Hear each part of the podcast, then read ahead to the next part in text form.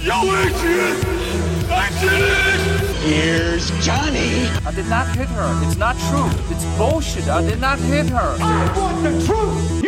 Can't handle the truth! Hej och välkomna ska ni vara till Cineastpodden. Podden där vi pratar om film. Filmer vi älskar, filmer vi hatar, filmer vi älskar att hata och filmer vi hatar att älska. Jag heter Andreas Baros och min gäst idag är mixologen och drinkgurun Fredrik Axén, även känd som Fred Ultra på Instagram. Tack så mycket, tack så mycket. Kul att Välkom- vara här. Ja, Igen. Igen, igen. Eh, vi ska inte spola för mycket tid eh, för att eh, jag vet, eh, jag ska säga så här, din roll här och ditt, ditt, litet signum är, är ju att eh, att eh, eh, ha, ge mig filmtips som jag aldrig hade tänkt på Nej. överhuvudtaget. Den här gången har du valt en film som jag aldrig hade hört talas om. Eh, nu ska vi se, jag ska ta fram mina anteckningar här för att, så att jag uttalar det här rätt. Filmen heter Combat Shock från 1984. Regi och manus av Buddy Giovinazzo. Och i huvudrollen hans brorsa eh, Ricky Giovinazzo. Eh, innan vi går igång på den här ska vi säga så här. Varför ville du att vi skulle titta på den här filmen? Alltså det, var, det här är ju en Combat Shock, en film som jag och mina kompisar pratade om när vi var yngre. Mm. Men vi skulle, vi, vi liksom, det gick ju inte att få tag på den filmen, den fanns inte. Okej. Och sen så skapade jag, fick jag ut sånt, jag hade ju sånt där intresse av konstiga filmer när jag var liten, liksom, eller Mm. 20-årsåldern. Där jag samlade på mycket konstiga grejer. Mycket konstiga filmer och udda ting. Och då helt plötsligt så kom jag över Combat Cock på min gamla favoritsida Filmchock. Och den var svindyr i typ, men jag köpte den. Och kollade på den, och fan den var ju över förväntan alltså. Den är ju jätte, jättelåg budget. Ja, jag, jag, jag, tänkte på det för jag tänkte att det här, det här skulle vara någon sån vanlig exploitation-rulle liksom och så. Men jag blev förvånad över hur mycket substans den faktiskt hade. Ja. Att den fanns, eh, det, det, det märks ju att regissören ville ju säga någonting med den här filmen. Han ville ju inte bara göra en, en, en traumafilm liksom. eh, Där det bara skulle vara en massa gore och skit. Nej, utan han hade kollar ju, man på fodralet så ser det ut som en sån här klassisk B-Vietnamfilm liksom. Det var det jag trodde det var. Jag trodde att eh, liksom, ja ja, det här nu, nu är det Charles Bronson liksom och eh, vi ska dra igång. Så vi kan väl göra så att vi gör som vi brukar. Vi går igenom filmen. Och så stannar vi när vi behöver. Yes. Okej, filmen börjar då med stock footage-scener från Vietnamkriget. Där har de slängt in lite filmer från diverse, ja, stock footage helt enkelt. En amerikansk soldat vid namn Frankie ses springa ensam genom djungeln när hans röst berättar. Och det här, det här måste vi ändå säga, djungel är väl ändå att ta i där va? För att jag tror, jag tror inte att de var on location. Nej, när han går film- typ i högt gräs. Nej, det, det, det är liksom ute i skogen någonstans. Och en sak tänkte jag på också. Det är ju hela tiden ackompanjerat av de här ändlösa syntlooparna. Eh, som näst, som jag, jag, det tog fem minuter in i filmen så var jag ju driven till vansinne. Ja, av- den är galen den jävla slingan som går i den filmen. Ja, eh, han springer i alla fall eh, fram och tillbaka och så hör man hans då, eh, eh, han är ju klädd som en soldat här liksom. Och, produktionsvärdet är inte jättehögt. Säger så. Jag tänkte, jag tänkte faktiskt de första fem minuterna, som sagt, ser man ju ingen annan än han. Som springer kring fram och tillbaka. Fram och tillbaka eh, och så är det lite skakig kameran. Så Det känns som att här var det två personer på plats. Det var han och så var det regissören, manusförfattaren som dessutom höll i kameran. Yes. Eh, och, Skulle säga att inledningen är ganska meningslös. Ja, ja men det, det skulle väl säga då att han, okej han var Lite för soldat. lång. Ja, han förklarar att han går tillbaka dit varje kväll och det är hans där berättarrösten som, som förklarar det här då. Precis innan han vaknar i sängen med sin fru, deras smutsiga New York-lägenhet. Och smutsig, det är ju bara... det, är, fullständigt- det är ju underdrift. Det är, och det här kan jag säga med en fas, det är den äckligaste filmen jag någonsin har sett. Allting är äckligt. Så att det får jag faktiskt ge honom cred för. Att han, här har han hittat locations och liksom smutsat ner. Man ser liksom det här han och hans fru, man kan ju tänka sig bara så här att de har ju inte bytt underkläder på ett halvår liksom. Han, han kliver upp, Precis, smutsiga jävla t-shirt med hål i. Och så ja, och hans äckliga jävla Y-front-kalsonger. Så här, skosnöret går av på hans, på hans skor liksom. Och de har inte ens sängkläder i sängen De ligger på en skitig madrass. Och så hör de Ja, hans barn förvrängda rop hörs. Ja, det, det är liksom den här bebisen då. Det ligger en bebis där som man förstår i ett knyte som ligger och låter som någon så här uppspeedad, jag vet inte, det bästa jag kan beskriva det är så här Alvin and the Chipmunks som de har kört rakt igenom eh, typ något jävla reverb liksom. Så låter bebisens, så här, Ja, det är jävligt psykande är det. Ja, Tänker du för Frankie då? Ja, precis. Eh, Hans gravida, hans gravida fru, ja det, det, hon är ju tydligen gravid då. Det la inte jag märke till förrän hon sa det Nej, senare i filmen. För hon har gått omkring med ett nattlinne Det är hela... tydligen två månader kvar att hon ska föda av någon konstig anledning. Ja, precis. Och det, det, det jag vet inte, det, det framgick inte riktigt i filmen. Utan det, det sa de ju senare att, eh, fast hon går omkring med ett nattlinne liksom, så att man ser ju inte det. Ja, i alla fall då, barnet är en mutant. och det här, det här, när jag satt och tittade på det här. och så, jag bara, ja men det är väl, jag tänkte så här, det är ett knyte det här, men det är bara för att de inte har råd med en riktig bebis. Så jag tänker, så vi kommer aldrig få se den bebisen. Jo då, det får vi se. För hon säger så här, ja det är bara du som, som, som kan ha gjort en sån här avkomma. Och så får man se bebisen och så ser det ut som någon slags slemmig IT-avkomma. Och jag fattar inte, vad är det här? Är det att han blev utsatt för massa typ kemikalier då under, under Vietnamkriget? Alltså, så tolkar jag det som. Agent Orange och sånt där då. Ja. Det här avlövningsmedlet som de slängde över djungeln för att eh, ja, dra fram vietnameserna. eh, eh, ja, mycket märkligt. Jag, tänkte så här, okej nu får den här filmen en helt annan ton. Tänkte jag, för jag tänkte att det här skulle bara handla om liksom vad psykbryt, eh, psykbrytfilm. Men okej, det ligger en mutantunge där. Och det behandlar dem som att det är helt normalt. Men barnen slutar ju aldrig låta. Nej, det... det- låter ju hela tiden. Vidrigt. Och de grälar, i alla- grälar i alla fall om att Frank han är ju då arbetslös och, Eh, och de har ingen mat hemma. De, de, de har liksom inte ätit på flera dagar, de svälter på riktigt. Mjölken i kylen, om det ens är en kyl, för det ser mer ut som en jävla skåplucka, ett skafferi. Det är liksom, det, den är sur. Eh, och så här, ja. Eh, Okej, eh, och eh, då ska ju då Frankie ge sig ut då, som han gör varje dag och skaffa jobb, fixa pengar, någonting. Han, Han, han, är ju om... värdelös på det. Han går ju egentligen, bara runt och får stryk av folk. Ja men han går ju omkring, han, det han, hon säger det, så du gör ju ingenting om dagarna. Han glider omkring som en zombie, vilket är precis det han gör. Men han ger sig ut då på dagarna och återigen, eh, jag får ändå ge cred till, till, eh, till regissören. Han har ju hittat de vidrigaste jävla locationerna som finns. För varenda jävla gathörn, varenda jävla gata ser det så jävla nedgånget ut. Och liksom det växer upp en så halvmeters buskar genom asfalten. Liksom. Så jävla oanvända är de här gatorna. Men han glider omkring då, så blir han ju påhoppad av den lokala då maffia-kingpinnen Paco. Och hans eh, seriefigurer till, till henchmen. En av snubbarna ser ut som en jävla wannabe Karate Kid samurai där. Fan vad stum han är så ful va? Ja, alltså jävla roliga. eh, och vet det, de, eh, eh, de vill ju ha hans, de vill ju ha pengar då till, eh, av honom. För att han är skyldig dem pengar i alla fall. Samtidigt så är det en, eh, en, eh, eh, vet det, en av eh, Frankies kompisar som, eh, som eh, ska råna eh, Frankie. Och jag minns inte vad han hette, hette han Billy eller någonting? Eller? Och han eh, missbrukaren. Ja. Ja. Eh, och han, då, han är ju han är desperat. Eh, han är desperat, han vill ju ha heroin förmodligen. Och han är han, så att han försöker ju råna vem fan som helst han hittar där liksom. Och han, eh, han går omkring och liksom spy, han, han säger också att jag, jag, jag kan inte stå still utan att det gör ont för han har sån jävla abstinens liksom. Och han, han kräks upp, hostar upp luft liksom för han har inte en slem kvar i, i kroppen. Ehm, Frankie, eh, eh, ja, han dödar tiden genom att han ska försöka sitta och underhålla en barnprostituerad tjej. Hon är väl typ... Men där märker man ändå att Frankie, han är ändå, innerst inne är han ju snäll. Han är schysst. Han är ju inget asshole även om man är patetisk liksom. Men Mm. som den här barnprostituerade, en annan snuskig jävel kanske hade försökt sig på henne. Liksom. Han försöker liksom fråga hur fan, och sen ger sig på pimpen och sånt där, där kommer en sån. Fan Ja men det, det känns ju som att, ja men det är, återigen, han har ju, han har ju ett, ett, ett, en social, eller en, en moralisk kompass liksom. Han vill ju någonting. Så att, eh, hade det varit i, i, kan du ta den där lite närmare? Så.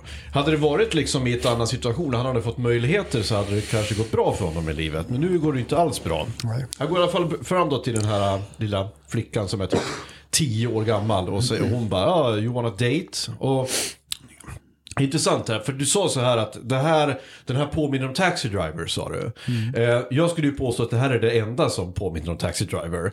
Det Just den, den här scenen med barnprostituerade. För att när han sitter och pratar med den här tjejen då, så kommer hennes pimp, eh, hennes då hallick och börjar hota honom till livet. Du, fan- du får fan betala som alla andra. Jag bara, men alltså förstår du inte vad du gör med den här tjejen? Håll käften! Som, det är väldigt så här uh, on the nose att det här är dåliga människor. Men i alla fall då, en... eh, eh, man får se, i en, en annan scen så får man se Frankies kompis eh, då. Han då, de lyckas få tag på lite pengar för han har rånat en tjej. En kvinna. Och eh, eh, ryckte, jag tror han ryckte hennes väska eller någonting. Jag vet inte, man fick se någon, han bara sprang efter henne. Och hur som helst då så får han tag på lite knark. Och eh, Det är sketen jävla scen. Ja, alltså. och det här också, det här är vidrigt. För att, men han har ingen syl. Han har ingen kanyl. Så att eh, han måste gå omkring liksom i, i, på soporna, eller leta liksom i sopor på marken för att hitta en, en kanyl någonstans. Och här var jag, leds- jag var tvungen att pausa, för det här var typ det äckligaste jag har sett. Liksom det här när han ska, för att det är en ganska utdragen scen när han faktiskt ska skjuta upp den här skiten. Ja, men liksom det är en smutsig jävla kanyl. Och han tar ju tydligen en överdos och, och kolar. Han tar ju en ståltråd och trycker hål i Ja. armen och trycker in det här pulvret. Ja, ja det är precis. Det, det, är- ja, det är så jävla äckligt alltså. Vidrigt. Och, och då kommer det, då kommer det en, en, en kvinna som är ute och, och, och knallar förbi. Där inne också. Ja, eh, av någon jävla anledning. Jag tänkte att det här, jag trodde först att det här var Frankies fru. För att hon hade, att hon hade tagit på sig kläder för hon skulle gå ut och... Jaha. och, och för hon, de nämnde att hon har tjänat pengar på att hora tidigare. Frugan är. Ja, hon sa ju det. Han bara, nej nej, vi ska behålla vår värdighet, sa han. Ja, men eh, det var ju stopp i, och visst det, var ju en scen, det var en stopp i toan också. Jag bara så här, ja, det, är- det är mycket jag klarar av, men just det här med så här bajs eh, och stopp i toor, det är, typ, det är liksom gränsen för mig. Ja, det är Eh, äckligt. Ja, det är äckligt som fan. Men den här kvinnan då, hon, eh, hon petar på honom med en pinne, märker att eh, han är död. Så då, då rånar hon honom och snor hans pistol och hans kulor då. Eh, som vi kommer få, få stifta bekantskap med senare. Samtidigt får vi se att eh, Eh, Frank han står i kön då till Arbetsförmedlingen. Och det är verkligen en kö till Arbetsförmedlingen. Där jag, jag tänkte så här att så här, det här är ju lite nästan så här coronatider.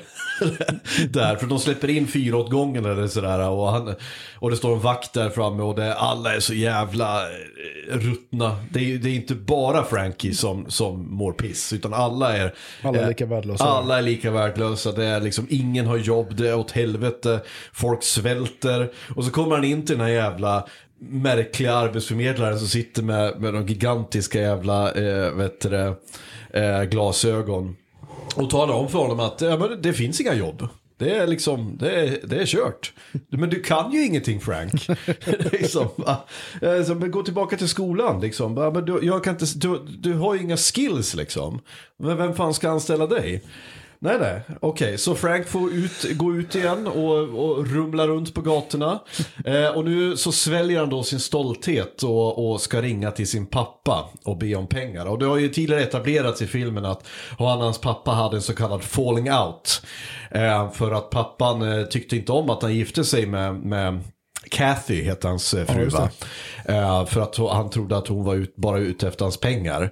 Eh, så att han bad farsan dra åt helvete en gång i tiden och sen har de inte pratat på flera år. Men nu ringer han upp honom i alla fall och vill då liksom, ja, han vill då begrava stridsyxan, tänker jag. Och han, eh, eh, han ringer då till honom och det visar sig att farsan är i pank. Han har inga pengar kvar och han är dessutom döende. Så att eh, den, den kranen var stängd, det kommer inga pengar. Så jag var ju helt säker också på att Frankie var död va? Ja, han trodde ju att Frankie var död för att det var det de hade tydligen sagt. För att eh, det, det var ju också så här, i den här första öppningsscenen så etablerades det att Frankie springer omkring ensam i djungeln, jagad av vietkongare. Eh, och han blir dessutom då, han blir tillfångatagen efter att han har bevittnat en hel by med typ fullständigt mutilerade, stympade kroppar. och sen blir han eh, torterad i någon bambibur eh, där med, av vietkongarna. Så sa han till sin pappa också att eh, han hade legat i, på, på sjukhus i tre år. det känns lite väl länge va? Ja just det, i tre år och blivit förhörd av en läkare. Som bara, "Vem- vad hände? Vad hände Frankie? Vad hände? Och så här, det, det, det, lite löst i his- det, det, det, är liksom så det är luckor i, i manuset om vi säger så. Jag tror att de inte la ner jättemycket tid på, på att slipa till manuset här riktigt. Ehm, I alla fall då. Ehm, Frankie är ute och går igen och eh, då stöter han på den här då kvinnan som, som vi fick se det som stal då hans kompis knarkarens pistol tidigare. Och då, nu är ju, nu är ju Franks, eh, Frank har ju gått över alla gränser nu och tänker att nej jag har ingen val, jag måste råna. Nu. Så då, då rycker han den här, den här kvinnans väska. Och, eh, eh, och springer. Och när han springer då så, så ser ju då den här Kingpin-snubben, Paco, att han springer. Och de springer efter honom. Och kommer ikapp honom i eh, något jävla eh, nedgånget område. Och spöar skiten ur honom och tar väskan och säger bara eh, ja, men det här, de här pengarna räknas inte liksom för, eh, för liksom mot din skuld då därför att du, de här stal du. Så vi tar de här pengarna. Och ja visst ja, de smäller lite casual slår de sönder en flaska i huvudet på honom också.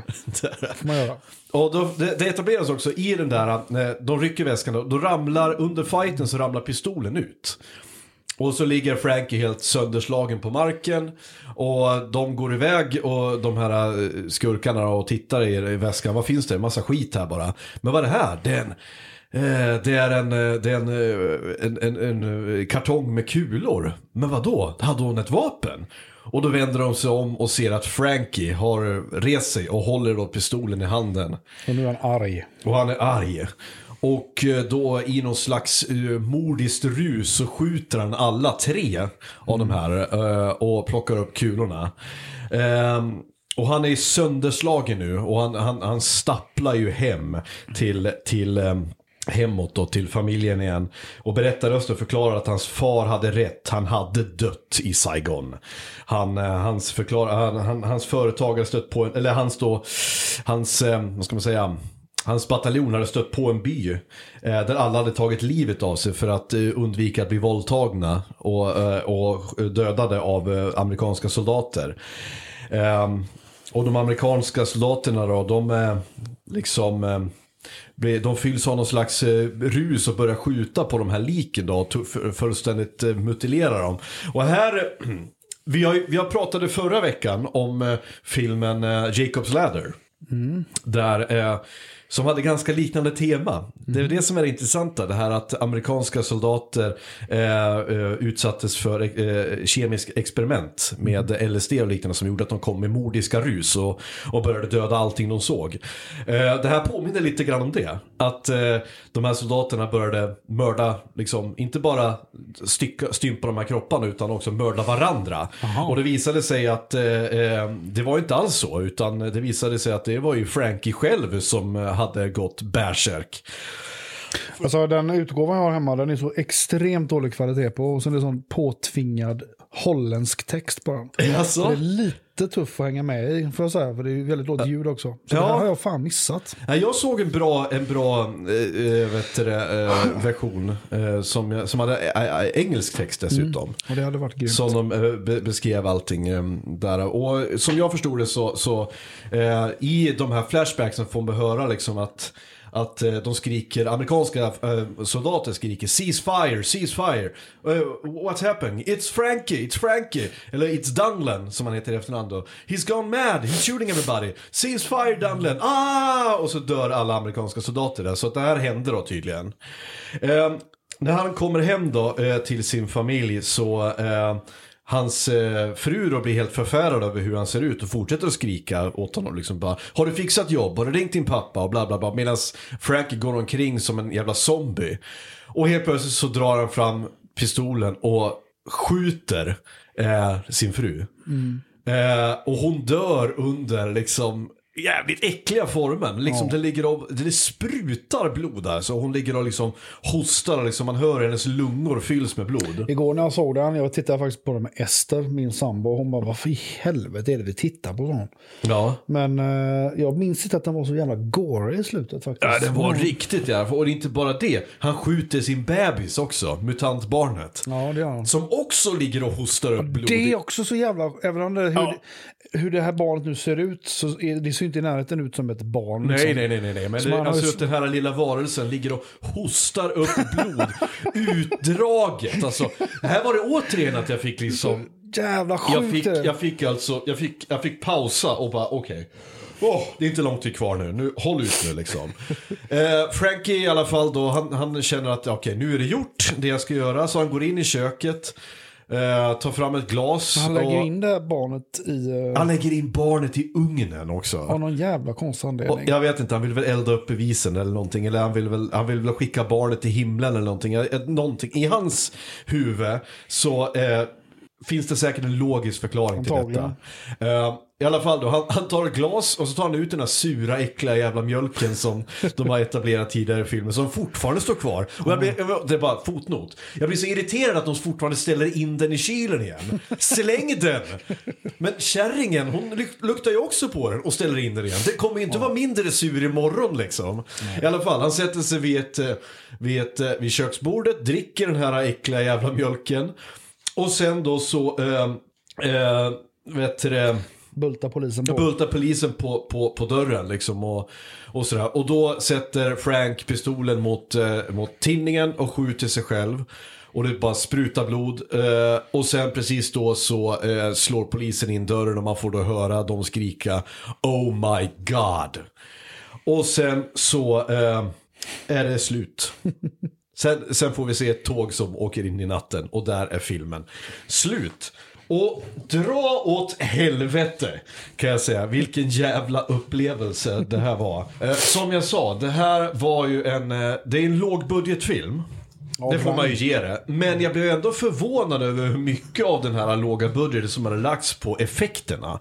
För effekterna har jag absolut ingenting att, eh, ont att säga om. Blodet är bra, goret är bra, det, det ger den effekten. Till de här de stympade kropparna som ligger ute där i, i början. Jättebra gjort. Eh, Till det, ungen, även ungen är ganska dåligt gjord. Men det är fortfarande ögon som rör sig och ögon som man ser och munnen som rör sig. och Så. här. Ja. Det, där har de lagt lite pengar ändå på den. Ja, han har, han, han har ju lagt mycket pengar tror jag på just det här att vi ska få en speciell känsla när vi tittar på filmen. För det är ju en känsla av fullständigt obehag och liksom äckel hela tiden. PTSD. Ja, men det är det. Och just det här, eh, alla locations, alla liksom, alla, alla, alla ställen de är på är skitiga, äckliga. Det är närbilder på, är det en vattenkokare som står där och låter hela tiden? Ja. Som bara pyser. Allt är störelsegrejer. Det, det, det är bara ljud hela tiden och barnet låter hela tiden. Det låter som ungefär en sån onkel konkel ljudeffekt. Det är en av få filmer faktiskt jag har sett som inte finns. Det finns inte en enda liten ljusglimt i hela filmen. Nej. Det skulle väl eventuellt vara när han skjuter ihjäl de där tre jävla idioterna Ja. som har jagat honom. Men inte ens där liksom. Nej men jag tänkte liksom så här, ja men nu vänder det för honom. För nu tar han deras pengar. Och sen så går han hem och sen så visar han att han har, för sin fru att han har pengar. Och så går de ut och köper lite mat och så kanske de klarar sig en stund till. Och att han går ut och blir någon slags vigilante. För jag väntar hela tiden på, du sålde in den här filmen till mig som taxi driver. Ja, Okej, okay, han kommer bli en vigilante nu. Alltså en, en, en, en sån här och gå ut och skjuta brottslingar. Att det är hans nya kall i livet. Men när då? Han eh, går ju fullständigt jävla apeshit istället och skjuter alla. Eh, inklusive sig själv. Nej men just det här och just att eh, det, det, det, det, jag, ska, jag har inte jättemycket att säga om skådespelet. Jag skulle inte säga att skådespelet är jättebra. Men det är inte jätte... Frankie sköt sig rätt bra tycker jag. Ja, ja, det är Helt okej. Ja, Det är helt okej och jag tycker att Eh, jag tycker, men okej, de här skurkarna, Paco och hans Nej, gäng, de är värdelösa. Ja. Det, det kan jag säga, det är inget bra skådespel. Framförallt inte han, Karate Kid, wannabeen Nej, där. hemsk. Som jag inte förstod liksom att, Men att hur, roligt att hur titta då. Buddy, Buddy G, som han kallar sig själv i, i, i inledningstexten här, kunde tycka att de här kläderna ska du ha på dig. Ja. Det, här, det, här, det, här, det, här, det här kommer att passa in i filmen. Nej men det, jag, jag, Skinnstövlar som går upp till knäna har han. Instoppade jeans. Det är Eller så jävla fult. jag förstår inte vad, liksom, vilken film är du med i? Är du med i The Warriors?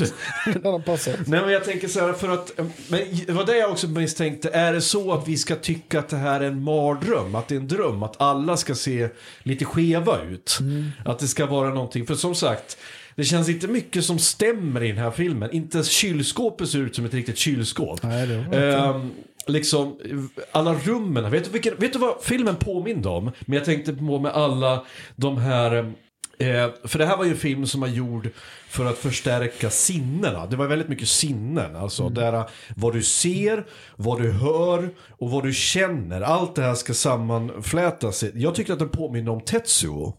Eh, lite Den har grann. jag bara sett en gång. Ja. Den är också så jävla vriden den här filmen. Den Jag hade ju inte sett den eh, heller, precis som jag inte hade sett den här innan.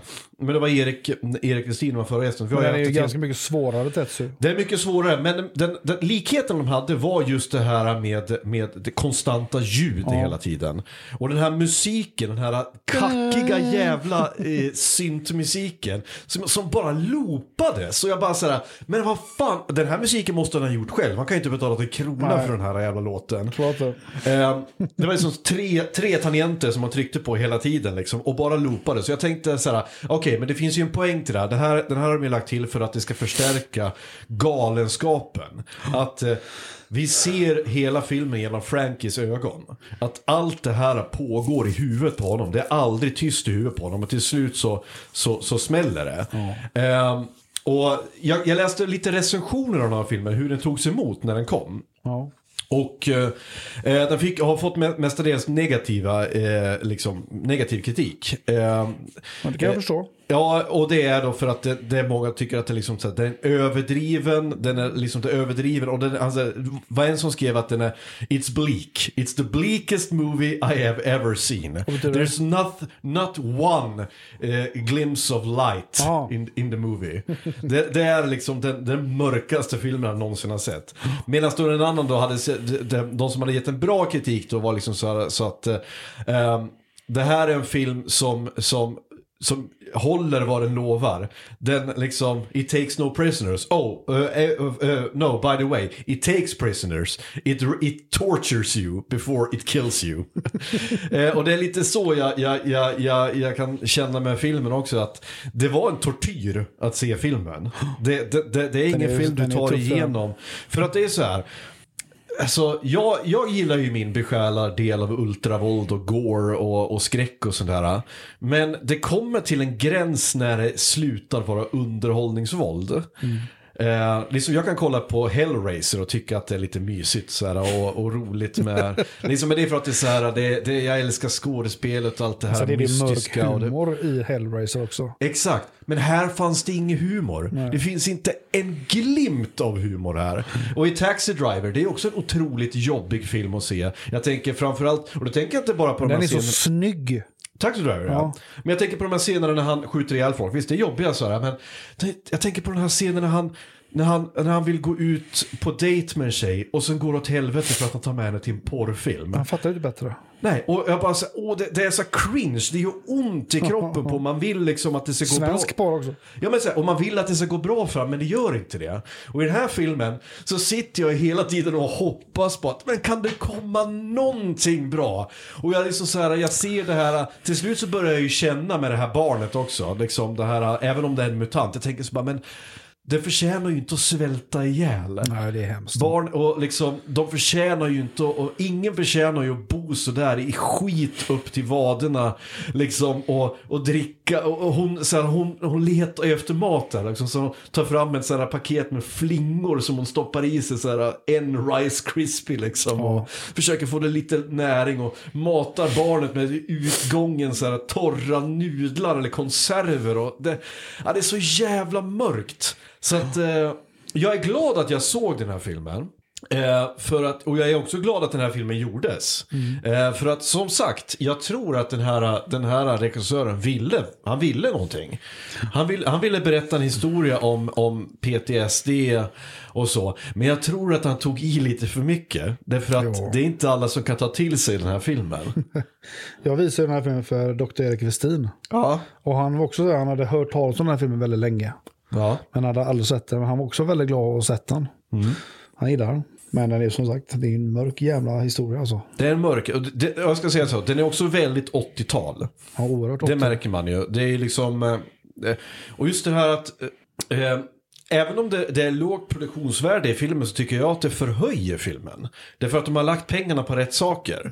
De har ju... Det, det jag skulle tänka mig att om jag hade fått göra om den, då skulle jag ha gjort musiken bättre. Jag såg att de som hade producerat filmen, det är klart det är ju tromagubbar, men eh, de, de, har även producerat de här Toxic Avengers som är, de är också, de är rätt sköna. Jo, men där har vi skillnaden. Toxic Avengers är ju roliga. Ja, det är de. Ja, den är, det är ju fantastiskt. Jag, jag, ska, jag måste göra något, något avsnitt med någon traumafilm någon gång. Toxic Avenger och vad hette den då? Det där med, med, när, med kycklingar och den hela jävla, vad hette den? När de, de bor i någon, det, det, det, jag vet att det är en scen där en kille som står och jobbar på typ så här Kentucky Fried Chicken och så dagdrömmer han om någon tjej som står i kassan och så, så börjar han knulla kassaapparaten och skrika och hon inför alla liksom, statister, och alla artisterna spelar över och säger så här Men lite Terror Firmer eller?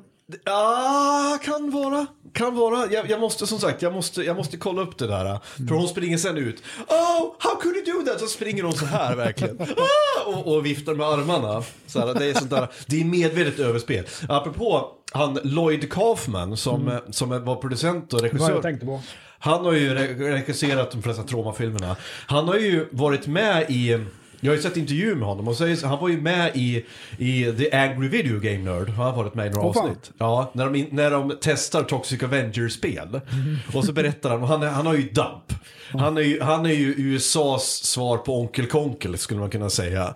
För att han sitter hela tiden och liksom improviserar fram liksom hur, liksom... eh, Fan, eh, improviserar fram hur hans, eh, såhär, han berättar historier hur hans arsle sprängdes en gång under, under inspelningen av Toxic Avenger och, och liksom och att den bästa känslan han vet är en, är en bra förstoppning och sådär. Det är bara kiss och bajshumor hela tiden. Men, men tillbaka till, till, till Combat Shock.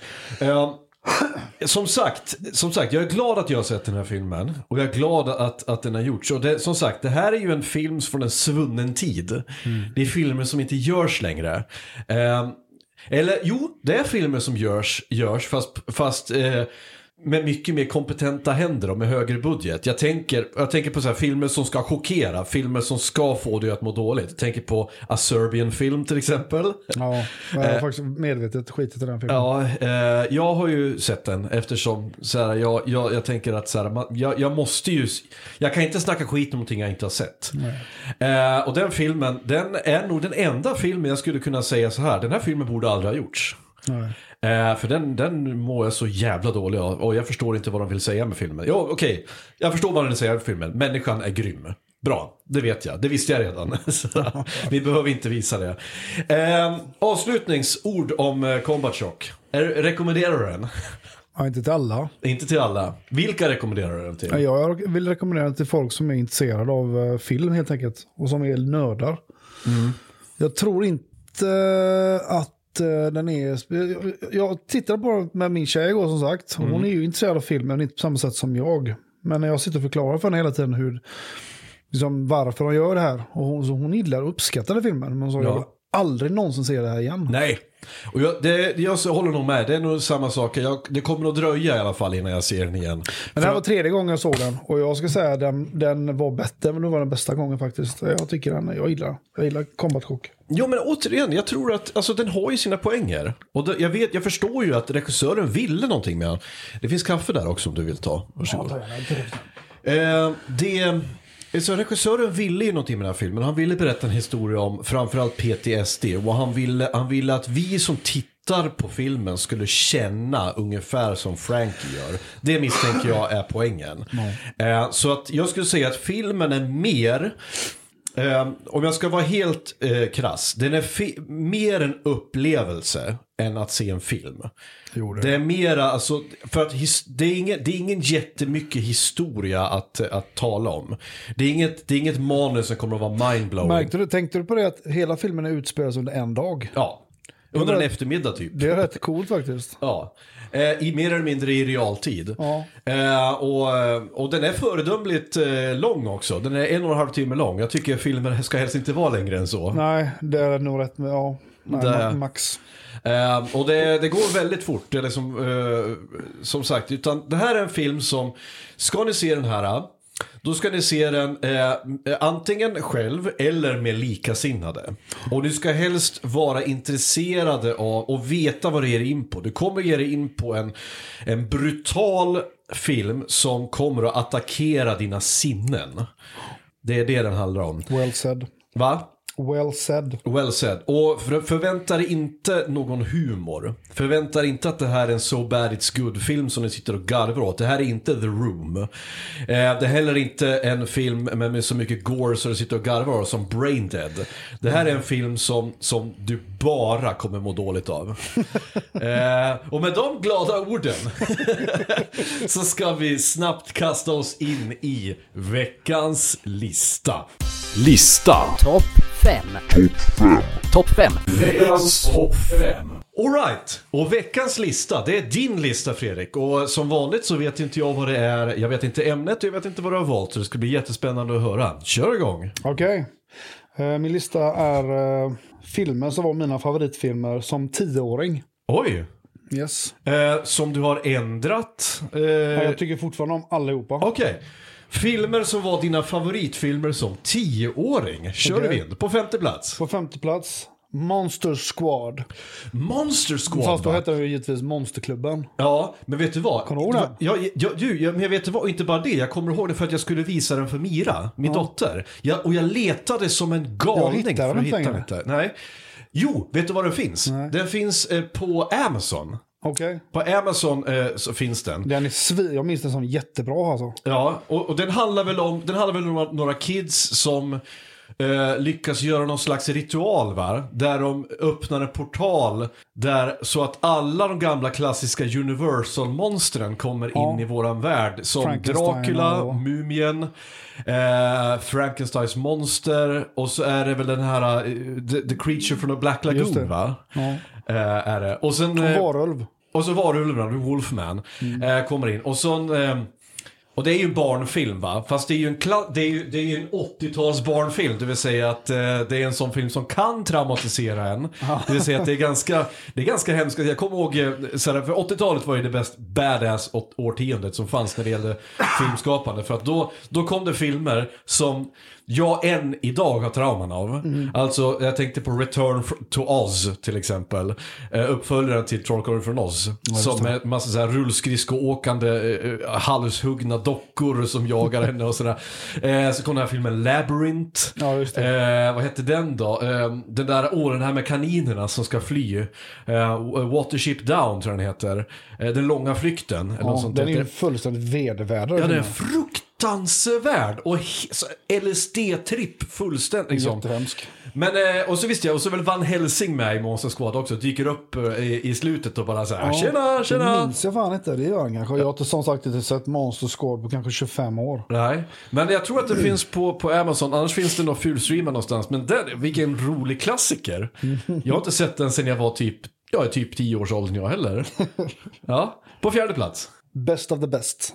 Best of the best med, eh, nu ska vi se, Thulsa Doom själv va? Eh, vad heter han? Eh, Darth- Alltså, det är ju han som är rösten till uh, Darth Vader. Ja, just det. Och, Och så fan vad Eric- pinsamt att vi inte kan namnet på honom. Jag måste ju googla. Jag Han heter Earl Grey, eller på att säga. James Earl Jones heter han. Och han spelar då Thulsa Doom i Conan Barbaren. Ja, just det, den har jag faktiskt sett. Nej, nej men just ja. Eh, gud. Och Eric Roberts. Ja, Eric Hon- Roberts. Hon går lipa, lipa i slutet på den filmen. De förlorar ju, det är ju USA mot Korea i någon jävla taekwondo-tävling typ. Ja, men ja, visst. Är, ja, men är det inte typ såhär fullkontaktskarat-grejs Ja, det liksom? kanske, kanske karate. Och kollar vi upp den här filmen idag så har den jättelåg alltså score. Den, är, den anses som en, en kalkonfilm liksom. Men den är bra. Jag tycker att den är bra. Och vad så jävla roligt.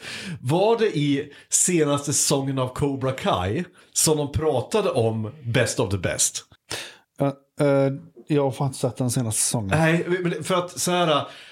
Han Johnny som, som driver Cobra Kai. Han, han rekryterar en tjej, en tjej till sin klubb. Och hon har sett, hon, han, för att utbilda henne så har han tvingat henne att se alla klassiska 80-talsfilmer. Så hon har sett Bloodsport. Och, så säger, och så säger han bara, eh, och så gör hon en kick och så säger han bara, ja det där såg jag i Best of the Best. Så de lever alltså i ett universum där alla de här filmerna finns och Karate Kid är på riktigt. Det är så jävla, det är så jävla bra. Ja visst, ja, Eric Roberts, eh, eh, eh, Julia Roberts brorsa för övrigt. Det är inte många som tänker på det. Men det, och visst, han har en jävla scen där han, ja, visst, han har hästsvans. Ja.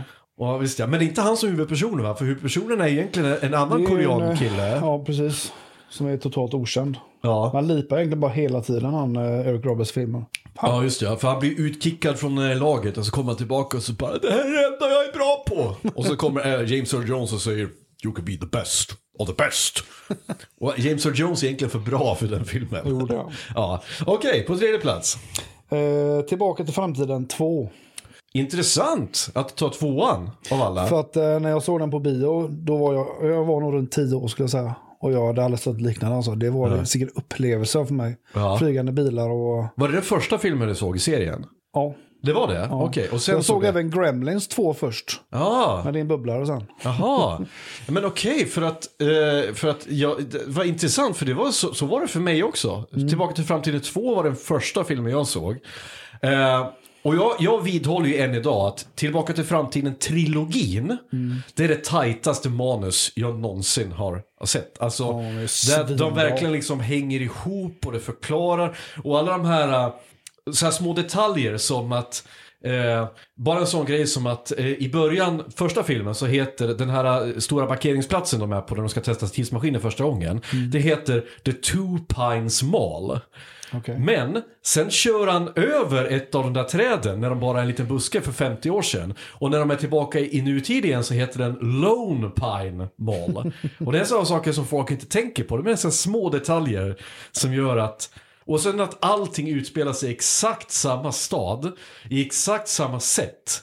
Alltså, det, det liksom, de har spelat in det, i, i, liksom byggt upp Mm. studion. Och så har de bara gjort exakt samma studio, bara att de har tagit samma hus och gjort dem lite som att det ser ut att vara i olika tidsperioder. Ja, det är bra grejer alltså. Ja men så är det jävla smart också att de kommer tillbaka till en alternativ framtid, en alternativ nutid där Biff Tannen, förmodligen en av historiens bästa filmskurkar någonsin, Ja, kul. har blivit en jävla crime lord som tittar på Scarface när han själv sitter, när han, nej, han kollar på Scarface och han tittar på typ en gammal Clinton-film. Så han ser ut som att han sitter i en, en jävla pool. Precis som Scarface, alltså Tony Montana själv gjorde. Nej, det är helt fantastiskt. En kul grej också. Jag var lite rädd för att se Tillbaka till framtiden 2. Därför att på den tiden så hade jag den inspelad på ett VHS-band. Och eh, då är det ju så att då spelar man ju över gamla filmer och precis när den filmen tar slut så börjar Poltergeist. Och då är det finalen av Poltergeist, det vill säga när det här stora jävla vita spöket kommer ut genom en portal. Ja, så att jag, så jag, Så- så- jag var ju livrädd för att när jag, varje gång jag tittade på Tillbaka till framtiden så jag hade glömt bort att just det, Poltergeist kommer efter den här. Så fick jag ju mardrömmar för att den var så jävla läskig. ah, ja, det var en sidohistoria. Okej, på andra plats. Den oändliga historien. Ja, ah, just ja. Den är ju faktiskt jävligt mysig den filmen. Jag Ja. Jag funderar på att titta på den med mina barn. Jag tittade på den själv för ett tag sedan och storyn är fortfarande väldigt bra. Men Ja, den, grejen att den är ju lite cheesig. eh, men jag kollade på den med, med Mira för inte alls länge sedan och vi, hon, vi, hon har ju sett den tio gånger kanske. Ända sedan hon var liten och så det är hennes barndom liksom mer eller mindre. Men så tittade vi på den nu när hon, var, när hon är 11 år och hon sa så här bara oj jag minns inte att det var så, den såg så gammal ut. Hon har ju reagerat på det alltså. Men den är fortfarande mysig och så här, och vissa saker är genuint eh, så här, obehagliga. Ja men som sagt, barndomstraumat. När Mm. hästjäveln där, eh, Arthax eller vad han heter, drunknar i träsket. Det är fruktansvärt. Och, och hans jävla blicken på hästen där när han, han är precis här uppe till, till halsen. De står och drar hela tränset. Ja, men, men, det är det här, återigen, det är det här som 80-talet gjorde med oss, med oss barn. Liksom, att de utsatte oss för sådana här... De litade på att vi skulle greja det här. Ja. Vilket, vilket vi kanske gjorde. jag vet inte. Men den är, tycker jag är bra. Sen här är det stengubben som är med. Som för övrigt, om jag har förstått rätt, i boken. Eh, inte alls så, alls så stor roll. Utan han är bara en, en av flera. Liksom. Men boken är ju... Jag har inte läst boken. Har du läst boken? Eh, nej, men jag har läst en recension av boken och det finns en grej i boken som är en liten game changer. Som är skillnad från filmen. För att eh, han som skrev den här boken, eh, han heter, nu ska vi se om jag, kan, om jag kommer ihåg, Michael Ende tror han heter. Han är tysk. Filmen är Han hatade filmen. Ta- Film, och det är för att eh, de ändrade slutet. För så här, det finns ett kapitel till i boken. Men jag har hört det. Va? Jag har hört det, för han eh, Bastian blir väl någon... eh, Det är så här, Bastian inser att han kan hoppa in och ut ur den här boken hur mycket han vill. Eftersom han inser att han, hans fantasi sätter gränserna för hur Fantasia fungerar. Det är så det fungerar. Men då, så att då, och vilken pojke skulle inte vilja göra det? Att hoppa in och, och liksom vara hjälte eh, i sin egen historia. Så det börjar han göra. Men sen så, måste, för att kunna vara hjälte så måste han ju skapa monster. Så då hittar han på en massa monster som, som slaktar folk och naturkatastrofer. Så att det är ju en ny liksom world ending catastrophe varje vecka där i Fantasia till slut som, som Bastian då är den enda som kan stoppa för han vill ju bara bli hyllad som en hjälte. Eh, och det här slutar ju med att, så att otaliga liksom varelser dör inne i Fantasia. Och till slut så måste då eh, han som det handlar om då, Atreyu, den här lilla pojken, måste då försöka sätta stopp för, han ska alltså döda Bastian Det är så. och sätta stopp för honom. Eh, men han lyckas då, tror jag, om jag minns det rätt, få Bastian på andra tankar. Så då Bastian eh, liksom slutar och lägger ifrån sig. Men alltså Bastian får storhetsvansinne, mer eller mindre i boken. Men är det en- Blir han tonåring då eller? Nej, men han är samma ålder. Mer eller mindre. Utan, men, det är ju, han, eh, men det är ju det det handlar om. att Ger du sån makt till ett barn, vad kommer ett barn göra med den makten? Naturligtvis så vill väl ett barn leka sina fantasier. Det hade varit häftigt att se en eh, remake på den filmen. Alltså som någon seriös gubbe hade gjort. Och så göra efter boken. Ja, det är ju en verkligen. cool story alltså. Supercool story. Och sen har ju det där klassiska soundtracket med Limal. som fortfarande åker omkring och eh, tror jag uppträder med den låten om han lever. eh, och sen dök ju den upp i, i, i Stranger Things.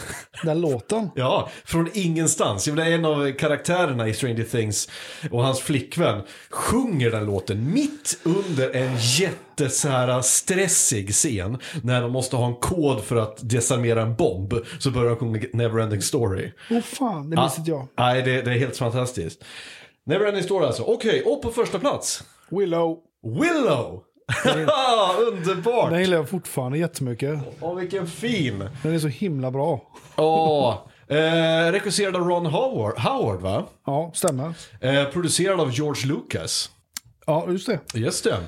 Eh, med Val Kilmer eh, i, i en av rollerna. Val Kilmer och då den, eh, våran älskade Warwick. eh, Warwick Davis. Eh, Det blir en av hans få huvudroller va? En av hans två huvudroller, alldeles riktigt. Eh, om man inte räknar med Leprechaun. Ja, just det. Också. Underbar liten gullig film. Men, vad, vad man kan säga är, om vi ska koka ner det, det är Star Wars. Fast i eh, Star Wars slash Bibeln, fast i en fantasivärld. det är den klassiska Heroes Journey. En liten, en liten eh, huvudperson som inte vet sin fulla potential än, som åker ut på ett äventyr för att stoppa den onda Eh, Darth, eh, onda kejsarinnan som har en Darth Vader rip-off som övergeneral, om du tänker på det. Han med det. skelettmasken. Ja, jävligt cool. Så de träffar en Han Solo-karaktär, Val Kilmer. eh, och de träffar en massa lustiga varelser som eh, Kevin Pollack spelar ju någon Just liten, det. liten eh, liten pixie, en någon liten elva, de, de kommer ut och träffar en massa rumpnissar, eller så här grådvärgar ute i ett fort som dör och förvandlas till en jättehydra. Just det.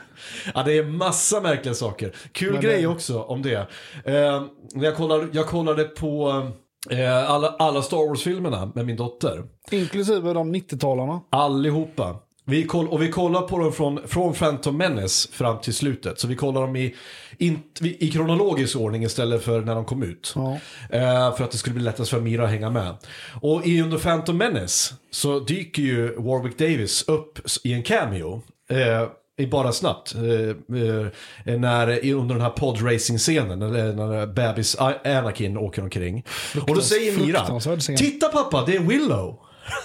Va? Det, det har jag ändå sett. När, när fan kommer han? Det, är- under den här scenen när de kör podrace, kommer du ihåg den? Ja, ja, ja. Uppe i publiken, bredvid Watto, han den här lilla flygande Mm. eh, varelsen som, ska, som, som äger Anakin som slav. Bredvid honom sitter Willow och hejar, typ. Han Som, han som är- Willow. Nej, som Warwick Davis. Ah, okej. Men Mira sa, titta, det är Willow. uh, Snyggt. ja, men jag älskar Willow. Jag tycker det är en, per, en perfekt fantasyrulle. Eh, med allting vad det Mm. innebär. Liksom. Den är gullig, bra musik. Jättebra. Eh. Jätte, jättefina, bra effekter. Ja, det är lite stop motion effekter som har åldrats sådär idag med de här hydran till exempel. Ja, jag kan gilla det. Jag gillar de effekterna i och för sig, men jag förstår vad du menar. Ja, eh, fin, alltså det, det är en stor produktion, man ser I slutet det. när hon häxan förvandlar hela armén till grisar är rätt vidrigt faktiskt. Ja, just ja. Det är rätt You're äckligt. pigs! Pigs! Och så börjar det komma fram så här, vad heter han, Val Kilmer får betar och Ja. grejer liksom. Ja, den är vidrig. Och kommer du på, kommer, kommer du ihåg det, hur jävla snygg hon är, prinsessan? Just ja, hon, tänker du på hon med rö, röda Ja, håret hon- där? Sorsha heter Just hon. det. Ja, hon är skitsnygg. Otroligt vacker människa. Ja. Häftigt. Ja, men det är alltså... Jag, jag Men det är väl Kilmer för sig. Nej, Val Kilmer, nej fan, Val Kilmer, jag saknar honom. Jag har du sett den dokumentären på Net- Netflix tror jag, som heter Val, eller om den är på HBO. Som handlar om han och hans liv och hans kamp med strupcancern och så här. Och, Nej. Eh, nej, jag saknar honom väldigt mycket. Otroligt bra skådis. Eh, hade sin Han storhetstid. dog bara. Han lever. Han gör det. Han lever, men han, han, han, han låter så här nu när han pratar. För hans strupe var helt... eh, Hemskt. Han ser, han ser jättekonstig ut. Eh, Såg en jävla bra fängelsefilm honom för ett tag sedan. Åh, vad var det den med Steven Dorff? Ja, Eh, ja, vad fan hette den? det var typ hans namn bara. Ja, eh, och där de... Eh, ja visst ja, där de sitter i en... De sitter, det, är egentligen ganska... Typ tre olika locations de är i. Ett, ett uppehållsrum och så är det någon... Han har ett långt skägg och är ganska stor Och va? glasögon. Ja, ja den minns jag. Jag kommer inte ihåg vad den hette i alla fall. Det kanske någon av våra lyssnare kan. Det är bra. Du hade en bubblare också. Det måste Ja. Bubblan, det är ju Gremlins 2 då givetvis. Gremlins 2. För det var den första Gremlins-filmen jag såg. Jag tyckte också den var så jävla bra. Ja, Och Landet för länge sedan. Landet för länge sedan. Just det. Som också är Ron Howard och George Lucas. Är det det? Vad fan? Ja, Gremlins 2, om vi ska börja där. Ja, den tycker jag ju om väldigt mycket också.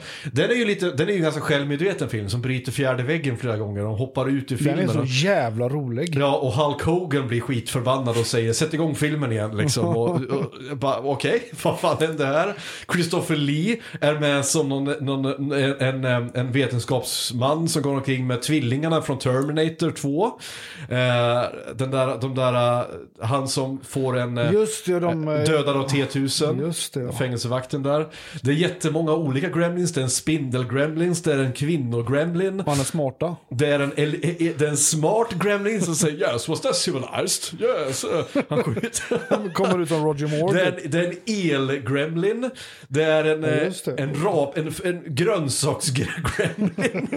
det är alltså det, det är så jävla många. Och sen så driver de med... Och så är hon en Miss Piggy-gremlingen också. Ja just ja, det är kvinnogremlingen där. Mm. Och sen är ju Gizmo själv eh, blir väl förvandlad, han, han går full Rambo. Just det. Jag kommer ihåg att det fanns ett Gameboy-spel som, som var Gremlins där man skulle, där man var Gizmo och skulle kunna skjuta Gremlins med, och då ska man samla så här, man skulle hitta ett gen som man kunde göra en, en, en, en, en pilbåge av och leta pennor som ammunition. Alltså. Och Landet för länge sedan, ja det var ju också en av de här traumafilmerna. Eh, alltså de här filmerna som man, ja än idag sitter med en liten klump i halsen när, en fruktansvärd film. när han om eh, lilleku, lillefot, lillekuk tänkte jag säga, lillefot. lillefot som är ändå en brachiosaurus, eller en, en sån här långhals, eh, där hans mamma dör. Eh, för att eh, hon blir dödad av en, väl, en, en, eh, en väldigt enveten eh, Tyrannosaurus som förföljer dem. Vasthand. Ja, vasstand heter han ja. Och så blir han kompis med, med eh, en triceratops och en liten pterodaktyl som heter Petri. Som jag tycker är kul. Ja, det är eh, mycket verkliga filmer. Om jag själv då skulle ta en film från, som jag såg när jag var tio år och jag gillade när jag var tio år så det är ju en film vi har pratat om förut. Det är ju Robocop. Ja. Eh, den skulle inte egentligen jag ha fått se som tioåring men det gjorde jag. Och jag har mycket varma minnen av den och hur, hur jävla blodig den var och hur, hur rädd jag var. Eh, nej faktiskt, jag ska vara helt ärlig, jag såg Robocop 2 först.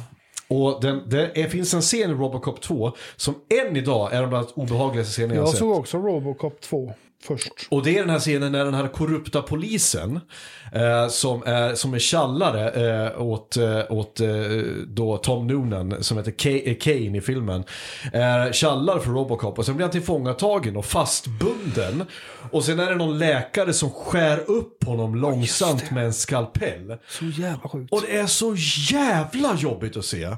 Nej fy fan. Nej, oh, jag mår jag må, jag må piss när jag ser det. Men det var en jävligt rolig lista i alla fall. Kära lyssnare. Har ni några filmer som ni minns från eran barndom som ni än idag kommer ihåg? Eh, skriv gärna i kommentarerna. Eh, det här har varit Cineastpodden. Lika roligt så, eh, att göra den som att ni lyssnar. Eh, gilla mig gärna på Instagram, där heter vi Cineastpodden. Bli gärna Patreon. Så att eh, vi kan köpa lite godare fika och kanske betala för alla streamingtjänster jag nu är medlem i. Jag tror jag är medlem i alla, utom eh, Viaplay tror jag. Eh, och eh, eh om ni är Patreon får ni dessutom önska filmer eh, som eh, jag ska prata om. Eh, och till och med finns det en tier, så kallad Patreon-tier, där man till och med kan få bli gäst här i podden. Eh, tack så hemskt mycket Fredrik för att du tog dig tid. Tackar, det var roligt att vara med. Det kommer definitivt bli fler gånger. Till alla er lyssnare, ha det bra så länge. Vi hörs kanske, som jag brukar säga, nästa vecka. Hej! Ha det bra. Say hello to my little friend! Yo, Adrian! Adrian! Here's Johnny. I did not hit her. It's not true. It's bullshit. I did not hit her. I want the truth! You can't handle the truth!